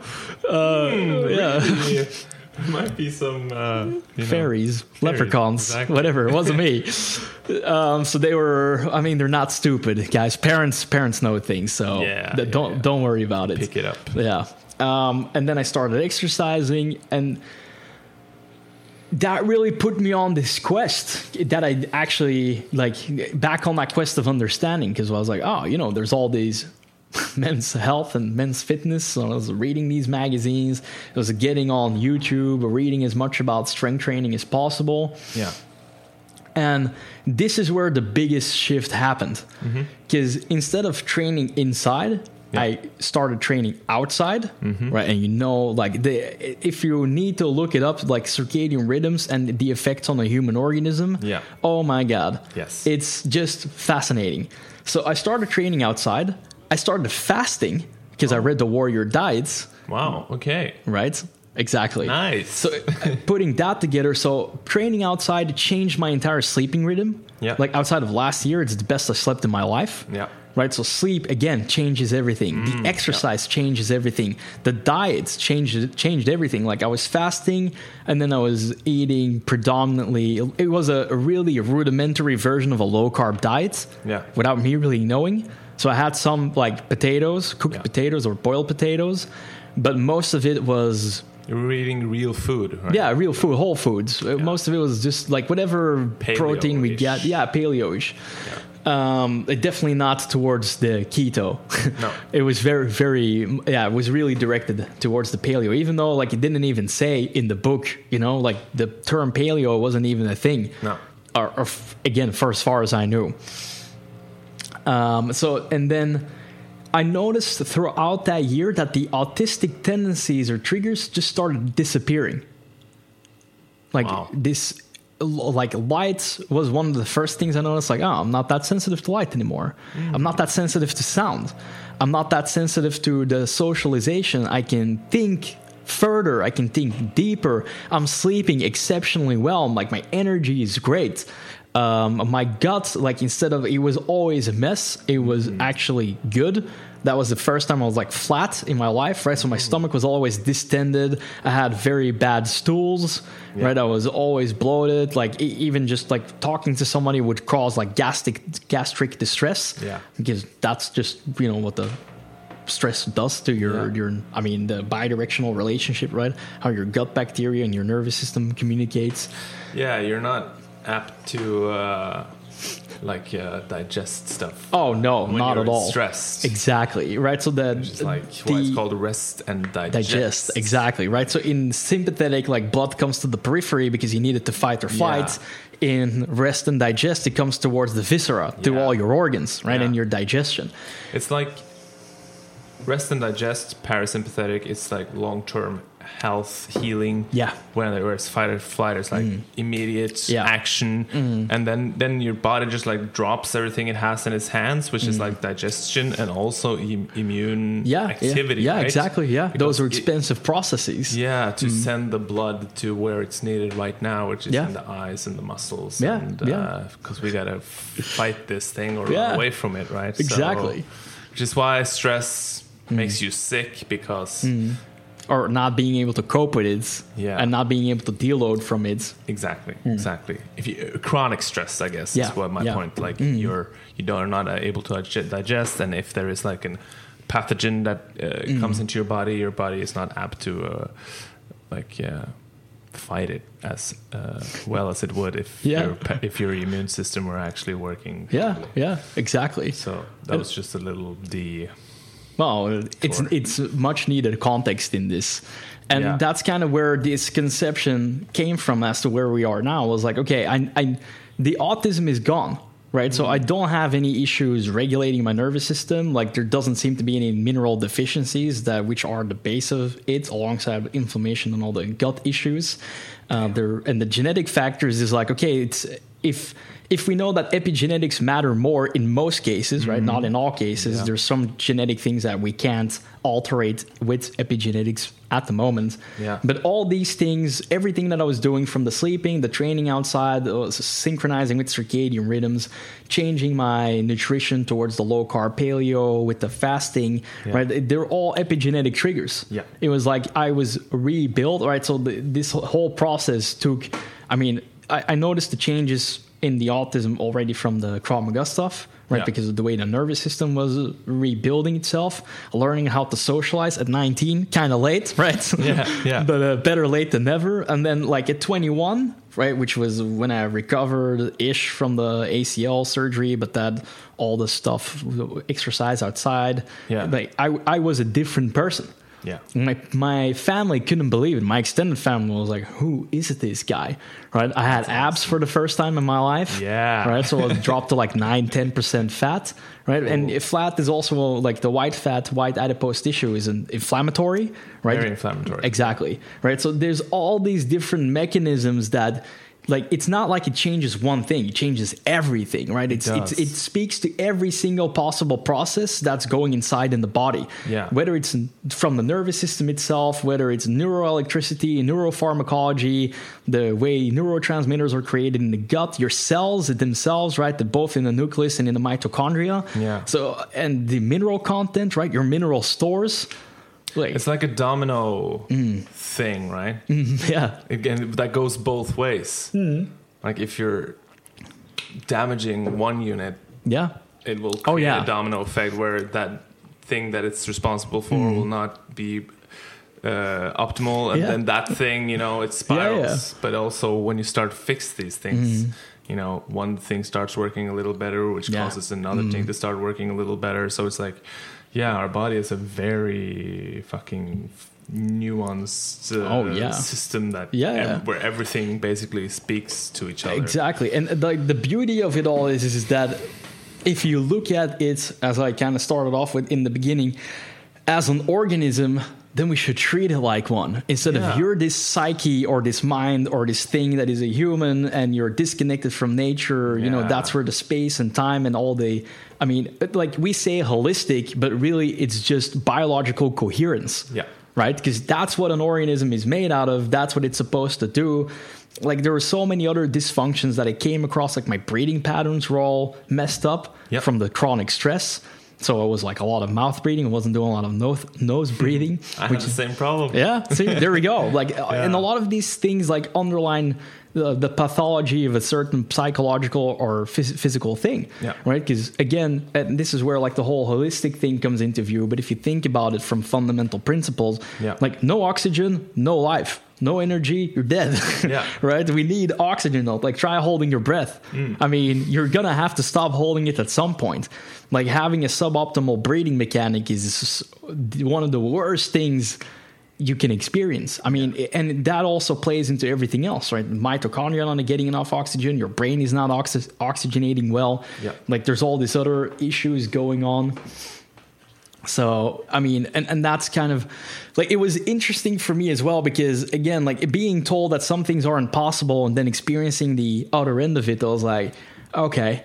And that's also one thing, like, I've never been very vocal about that until the last year in June. Okay. That I talk about it more. And because there wasn't really, I, like, I was scared to fight against the stigma Yeah. because there are some people that might ha- get mitigate or might have things that mitigates a lot of these symptoms Yeah. or um, expressions of the of the yeah you know mismatch with the organism and nature but there might be other people where it, it's a complete healing process like with me right? But i had so much blowback that like it put me back on my defensive posture. I was like okay i'm not touching this. Yeah. right? And then from there on out like i was it's with my holistic coaching right it's a successful coaching business. Yeah. None of them come to me for anything autism related No. right? So it wasn't or even i mean depression yes. Suicidal ideation yes. Anxiety yes. But not autism. So there's no there was it's not like i was looking for anything out of it right? No. even talking about it now it's i'm not looking to to to do anything with it or gain anything with it. No. like i w- didn't want to become an expert in it. I didn't want to go preach you know what i mean? So But you that- felt like there was uh, a, a truth that needed to be addressed, Yeah. or just like Yeah. kind of an, ex- an experience needed to be shared because of, like Yeah. it, it is possible and it's not just possible for me because there are people other people that have had uh, statements or testimonials from that went through a similar process Yeah. with their food Exactly. right so carnivore is just one of those things Yeah. i mean at one of the studies that uh, like was a meta study on uh, a ketogenic style diet that was casein free that helped mitigate the symptoms of autism Yeah. right? And a fecal transplant has done the same thing. Hmm. so then again like we go into the circles about the gut and it's not just the gut like it's how everything reacts. But if that's all possible and i didn't really like i didn't have that knowledge before so i didn't know what to base things on and it's not just based in that it's based on all the other research. And i have a case that i can uh, send to you so you can put it up under the youtube link Yeah, or yeah, yeah. wherever that people can just read right which is What, what kind of case? it's a case about autism. Okay, uh, like okay, an yeah. accumulation of a lot of the research, not all of it. There's still some things that are left out. It's technically a work in progress, but that gives you some ideas to okay, like if, one of the meta studies was actually super fascinating because it showed you that it, almost half of the minerals needed were deficient. And In you- people in with people with autism. autism spectrum disorder, Ah. right? So think about that. Like you know how important it is for just one mineral to not be deficient. Yeah. If you have a whole range of them that's deficient, like of course the organism is gonna like not work the way it should Yes. right which Mm-hmm. isn't like this is why like the common paradigm like you're disordered or you're you're broken we need to fix you it's like no we just need to mend these things Yes. you know what i mean so Give the body the right information. Exactly. so Exactly. It work how And- it's supposed to work. yeah and that's something that like why we're doing this right is give these give anyone kind of the means to look into it because Yeah. it's always easy to say because i have had a lot of people to say like the same thing with depression or the anxiety or the ptsd like that's not possible Yeah. okay but then go do it Yeah. Go go do what I've done, Yeah. right? Or read the case. Yeah. I mean, there's so much like books and all this other stuff Yeah. that has shown a reduction in symptoms in all of these things. Yep. And imagine if all a lot of these things have reductions in these symptoms. It's just us who are fragmenting the organism into these several states, Mm-hmm. right? Of course, there need to be a categorization of states because, or just everything else, because that's how we work. Yeah. You know, to create order in the psyche. But you need to zoom back out. Yeah. And go like, oh, you need to realize that like that's what you're doing. Yes. Like you're Mm-hmm. putting things into categories because it has a, like a function for you to like. Yeah. use Exactly. stuff. Yes. Mm-hmm. know? Like I can look at this cup and like see all the Mm. things that it's made of and where they come from and how it like there's this beautiful web of things that has happened Yeah. to get this cup Yeah. into existence. yeah. That like that's is that my left brain or my right brain? I'm, I don't remember. I think it's your left brain. Your right Yeah. brain's it but does your right more. brain is uh, like shut up. Yeah. This is a cup, you know. yeah, put it back it. into the rest of uh, Put yeah. it- drink it, drink from it. You know, it's it, you need to have that part of yourself that kind of puts things into categories because you Mm. Oh, yeah, 100%. direct yourself through Mm. the world. Like that's uh, kind of how it evolved. Mm. Uh, I don't remember what my point really was. Oh, it was just about the categorization itself of the you know Yeah, mental health stuff. yeah, just be aware of that. doing. Like these categories, like there's something to them, but you Mm. know, be a bit like Yeah, there's a There's reason why they exist. Exactly. Uh, But if you can't zoom out and see, like, when you read research about circadian rhythms, nutrition, Yeah. hydration, just minerals, inflammation, uh, what else is there? Like exercise and sleep. Yeah. Like, how is it that all those things benefit you in whichever state the organism is in? Hmm. Right? Like, it if it was only fragmented to the one thing, it'd be like, oh, okay, yeah, it's kind of separate from all these things, but it's not. Yeah. Right? It, it's uh, influencing you at all time because, Yes. I mean, epigenetics need to change. Yeah. And the organism will adapt even just from a nervous system level, like just to the stimuli given, right? Well, like you said, information and everything you do, everything you eat, everything you touch, all everything you breathe in, Yeah, like it's the all light information. that touches your body. Exactly. Mm. is information. The thoughts that you create in your head is sending an, a signal to your body. Like you can, Mm. and you know that when when you when you like an example, like when you watch a movie, like you watch a scary movie, Mm. Yeah, for yeah. example, it, it create you like you create That feeling the illusion Yeah. of stress, or you know yeah. because you you you yeah or you can just like s- think about i don't know okay i'm gonna use that first example that came to my mind but like think about a sexy woman you know Yeah, yeah. and then you start producing blood in your penis yeah, yeah, yeah, yeah, yeah. or Good you point. become horny right Yeah, yeah, for sure. that- it has ch- chemical Yeah, reactions, reactions, yeah, Like, your exactly. thoughts can create chemical most reactions. definitely. So when you're also like calling yourself, uh, you know, you suck or uh, Hmm. have negative thoughts like that, that creates uh, a chemical Yeah. reaction. Yeah. ep- epigen- Let's let's talk. Uh, uh, try to give a short explanation about what epigenetics is, because Yes. it's, it's basically to keep it very simple, the idea that. Uh, your the way your genes express Mm-hmm. themselves is by your perception. Mm. So I think we are very alike ourselves in the way that Mm-hmm. Yeah. how we perceive our uh, outer environment is Mm. through our senses, right? So we have eyes, we have ears, we have touch, Yeah. we smell, we can taste. Mm. And your cell has kind of the exact same thing with its cell membrane. Mm. Yeah. It's like interacting with its outer environment with uh, Like antennas. proteins. Almost. Yeah, these hmm. uh, receptor proteins, Yeah. right? So hmm. y- there comes a hormone like insulin, and it has like an insulin receptor. It's like, hmm. oh, there's an insulin out here, and that. Like when that insulin connects to that receptor, it creates uh, it creates a chemical reaction that signals something to your cell, and it starts doing something in response to Yeah. that and and and and like I just said with the scary movie, like yeah, the, the, it matters. Of course, the information you give it to it with like nutrition, sleep, uh, um, exercise, light.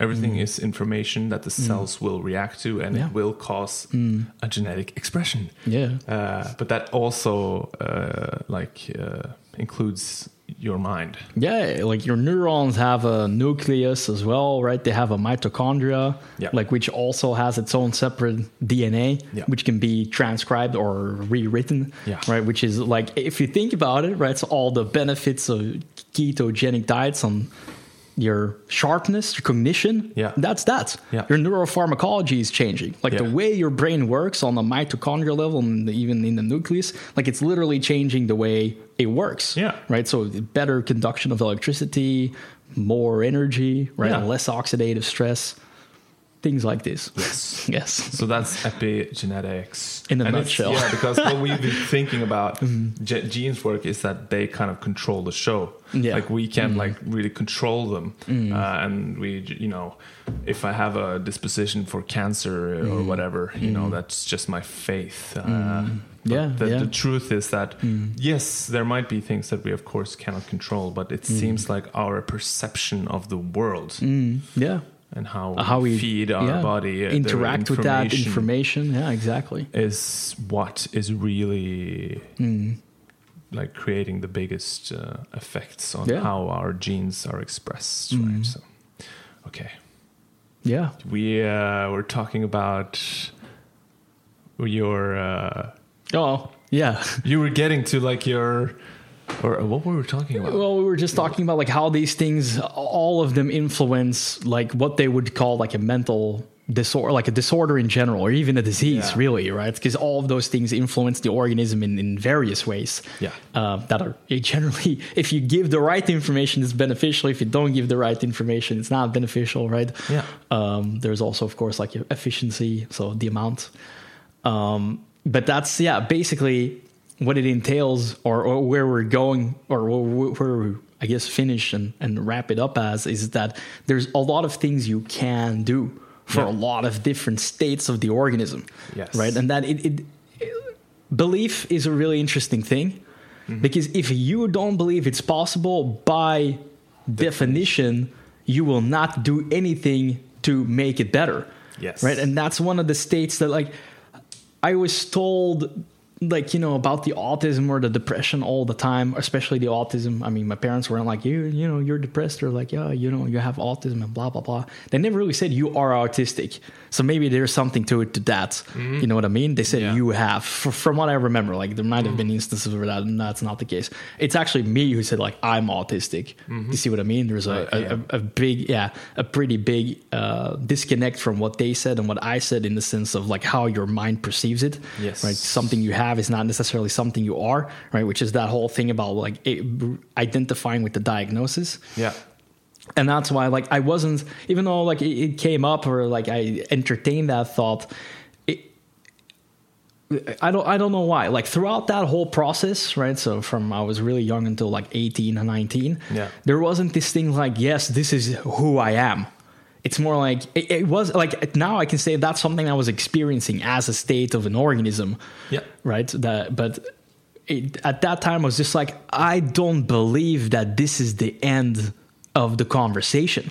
Hmm. I just didn't. Like it was the same with my ACL. My Yeah. doctor was like, "Oh, you, you'll never squat again." Squatted 140 kilos to a box, which Yeah. isn't super impressive. But after everything that I've went through with the rehab, which was like four to five years because of you know everything that went wrong with it, then was like, okay, squatted ass to grass with front squats, my own body weight Yeah. so okay like this is just something i mean that doctors well not all of them but in this case it's like they just say this type of stuff so you wouldn't have to come back you know don't fuck it up again but uh, with the this whole thing about being diagnosed and like yeah that's reality but it's not the extent of the rest of it. Like it's not necessarily only that. Yeah. And because I didn't believe, I was just like, and I had that change with the depression, and I was like, okay, let's see what else happens when I start changing things up, Yeah. right? And that belief system led to the point where we are now. Yeah, it's that it's that be careful of of what you know.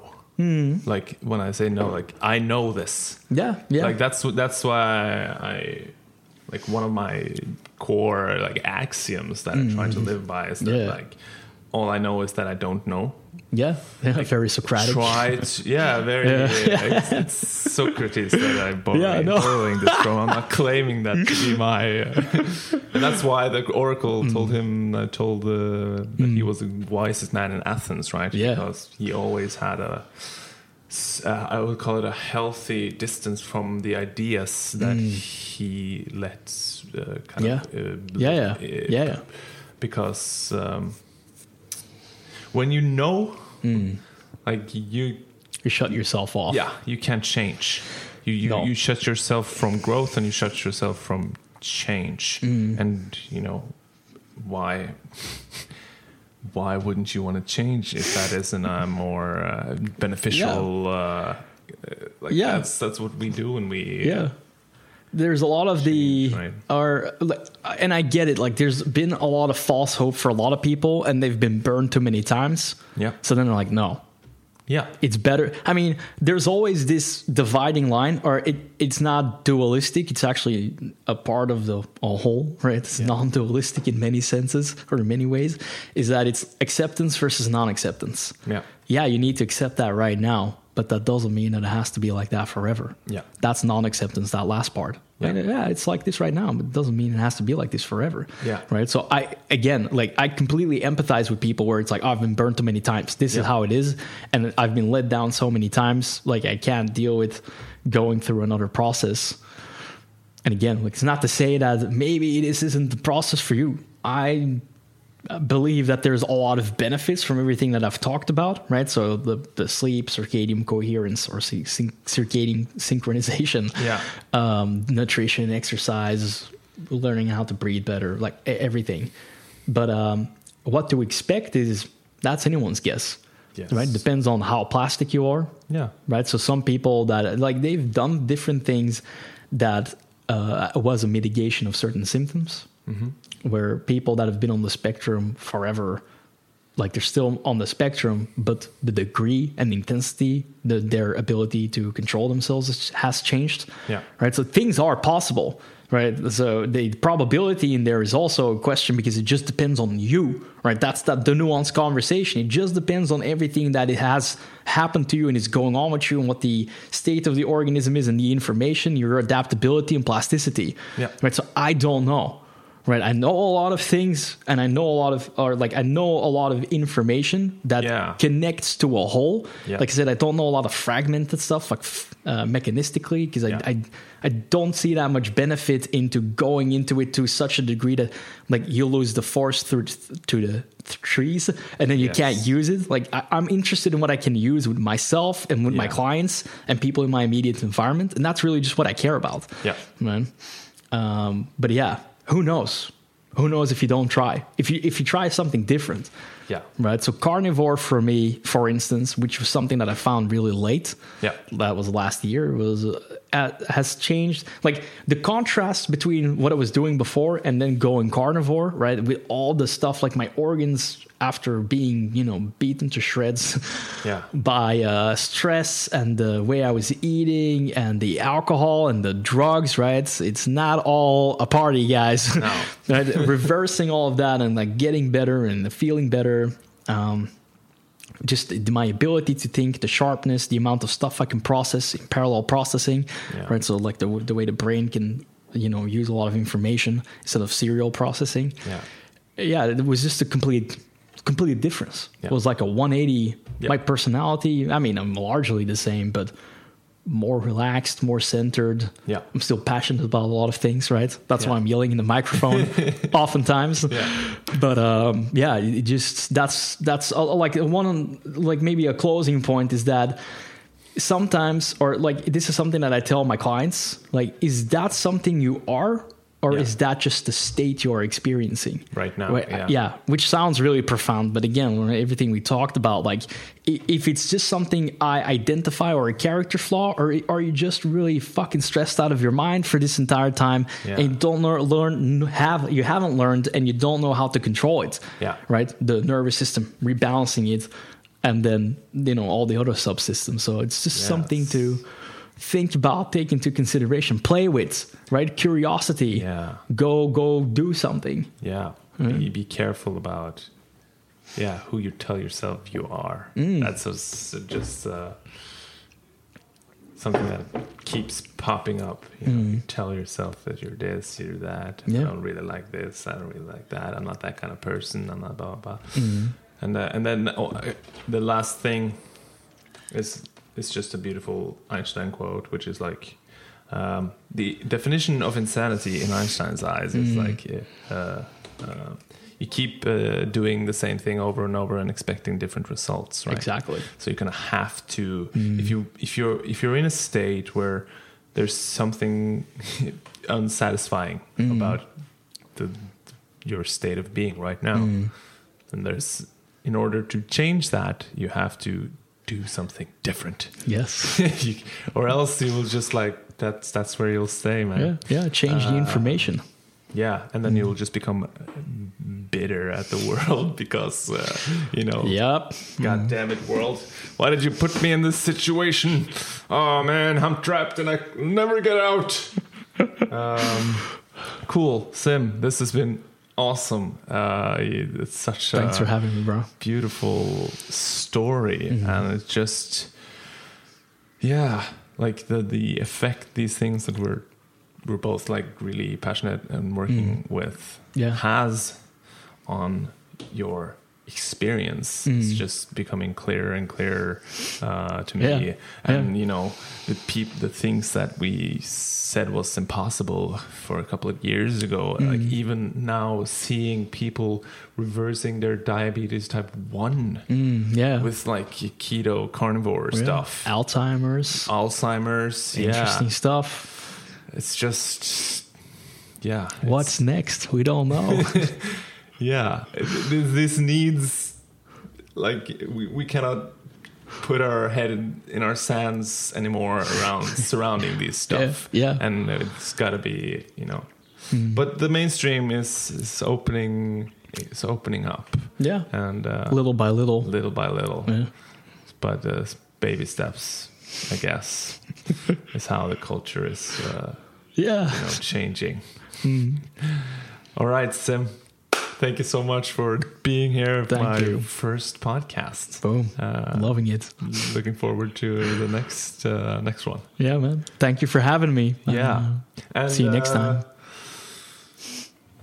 If there is like, because we we kind of went into small subjects like epigenetics, you know. But maybe we can talk more about the nervous system and how Mm. Yeah. that works. But if there's topics that you uh, want us to discuss more, then uh, put a thing in the comment. That's the thing I got to start saying now. YouTube, Leave a comment. Leave a comment down below. Press subscribe. Uh, put that notification button so you'll always get a Like, share. Yeah. Yeah. all of that.